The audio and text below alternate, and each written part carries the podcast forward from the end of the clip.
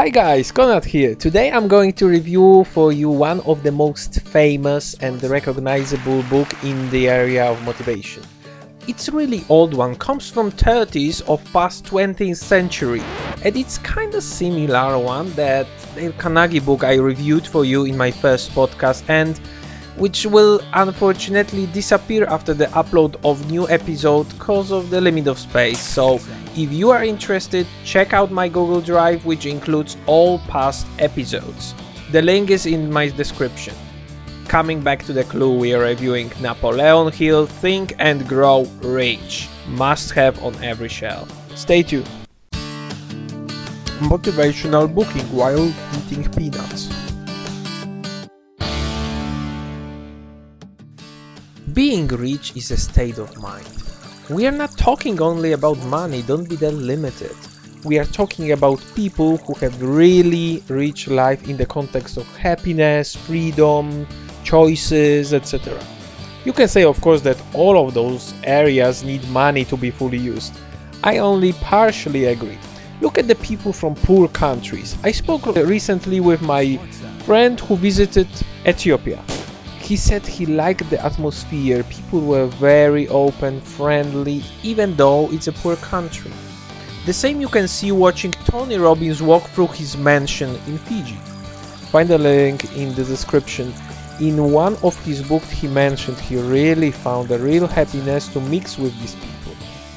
Friendly atmosphere, which he found there, helps him to cut out from the hectic world.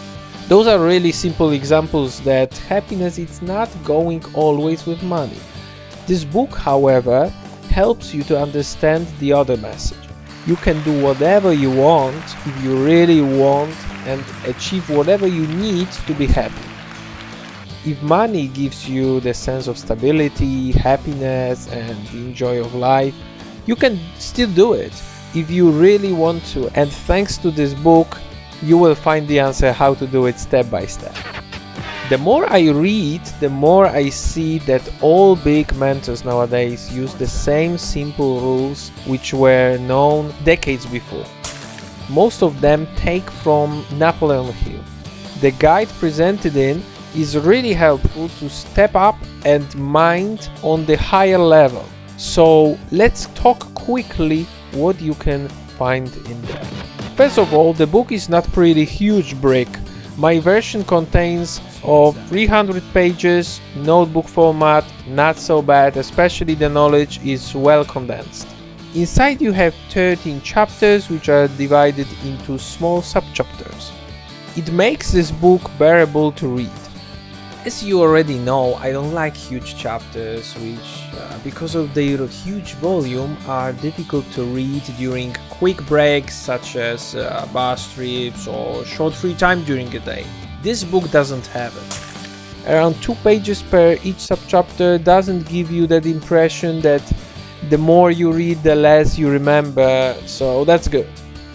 Similarly to How to Make Friends and Influence People, this book I reviewed at the beginning of my journey with podcasts, this book has many examples which support the base knowledge. Of course, as mentioned before, it's quite old book, so not all examples really fit to our world. But try to catch the sense and maybe find in your head a similar examples which can be applied nowadays. 13 chapters of how to get to the things you need, how to program your mind, useful hints, and many motivational quotes. I like to post a couple of them on my Twitter to easily come back to these lines. At the end of the book is a small part called the instruction. I asked myself why you're posting this part at the end of the book, but then I understood and actually really appreciated it. It's like a summary of a book with exercises, page numbers inside the text which you can come back to refresh the knowledge. Great idea. Is there something I didn't find in other books? Yes, there is so if you are thinking again that it's probably another book with the same content you can be surprised. I think many things are just omitted in current positions because I think they are a bit controversial such as An Art of Sex, for example. Many books nowadays say that you can achieve everything you want without any effort, which is not true actually. You have to work hard, get the knowledge and experience, progress, and this takes time.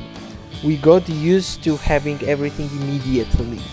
We live in the time when 5 minutes delay of pizza delivery pisses us off. And here learning, come on this is too long and that's why many authors bluff now and try to drown these voices. Sorry guys but the success is mostly a process not one day achievement and hill underlines that. The whole process takes time but don't be discouraged. Once you will step on this path you will never come back to your past life what I actually liked in the book is the chapter of six fears that uh, limit people. I really enjoyed reading it. Of course, the summary of a book and short life stories, which I really enjoyed in Carnegie's and Tony Robbins' book. Some of small chapters were difficult for me to read, but maybe the ambient atmosphere of the bus not always helps to focus. I don't know, maybe.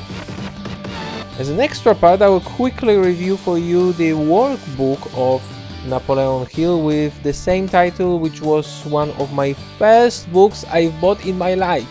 Really? The workbook, you might say? Yes, the book with exercises, tables, lines, quotes, and many other useful stuff which you can do either during reading or after finishing the book. I advise the first option. To be clear, this is the other book, guys. The same title with the additional word workbook on the cover. My version has 150 pages, the format is twice as notebook, but the layout is really different. There is more writing in there, many pages with just short stories, which covers not even a half of the page.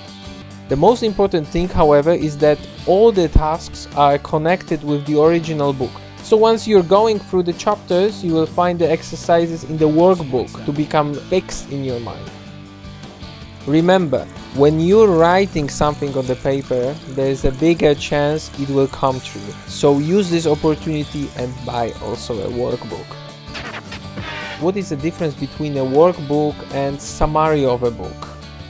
The summary helps you to come back to the pages you have read and is more general Workbook of course is created on the base on the book itself, but has wider spread and there is indeed more to do. But again, it's very useful. I was very positively surprised coming back to this book because I felt that in 2014 just quickly after my studies and I might say my objectives and sense of success has not changed. It's so nice to read what was my thinking five years ago, so treat this book also as a good token. It will be a big fun for you reading these answers after you achieve your real happiness, which I believe you will. As usual, big thanks for your time. It's been a pleasure to have you here, guys. Enjoy the sun, warmer days. It's green everywhere here in Luxembourg, but it doesn't change my mood because every day I'm more and more positive and become a better person.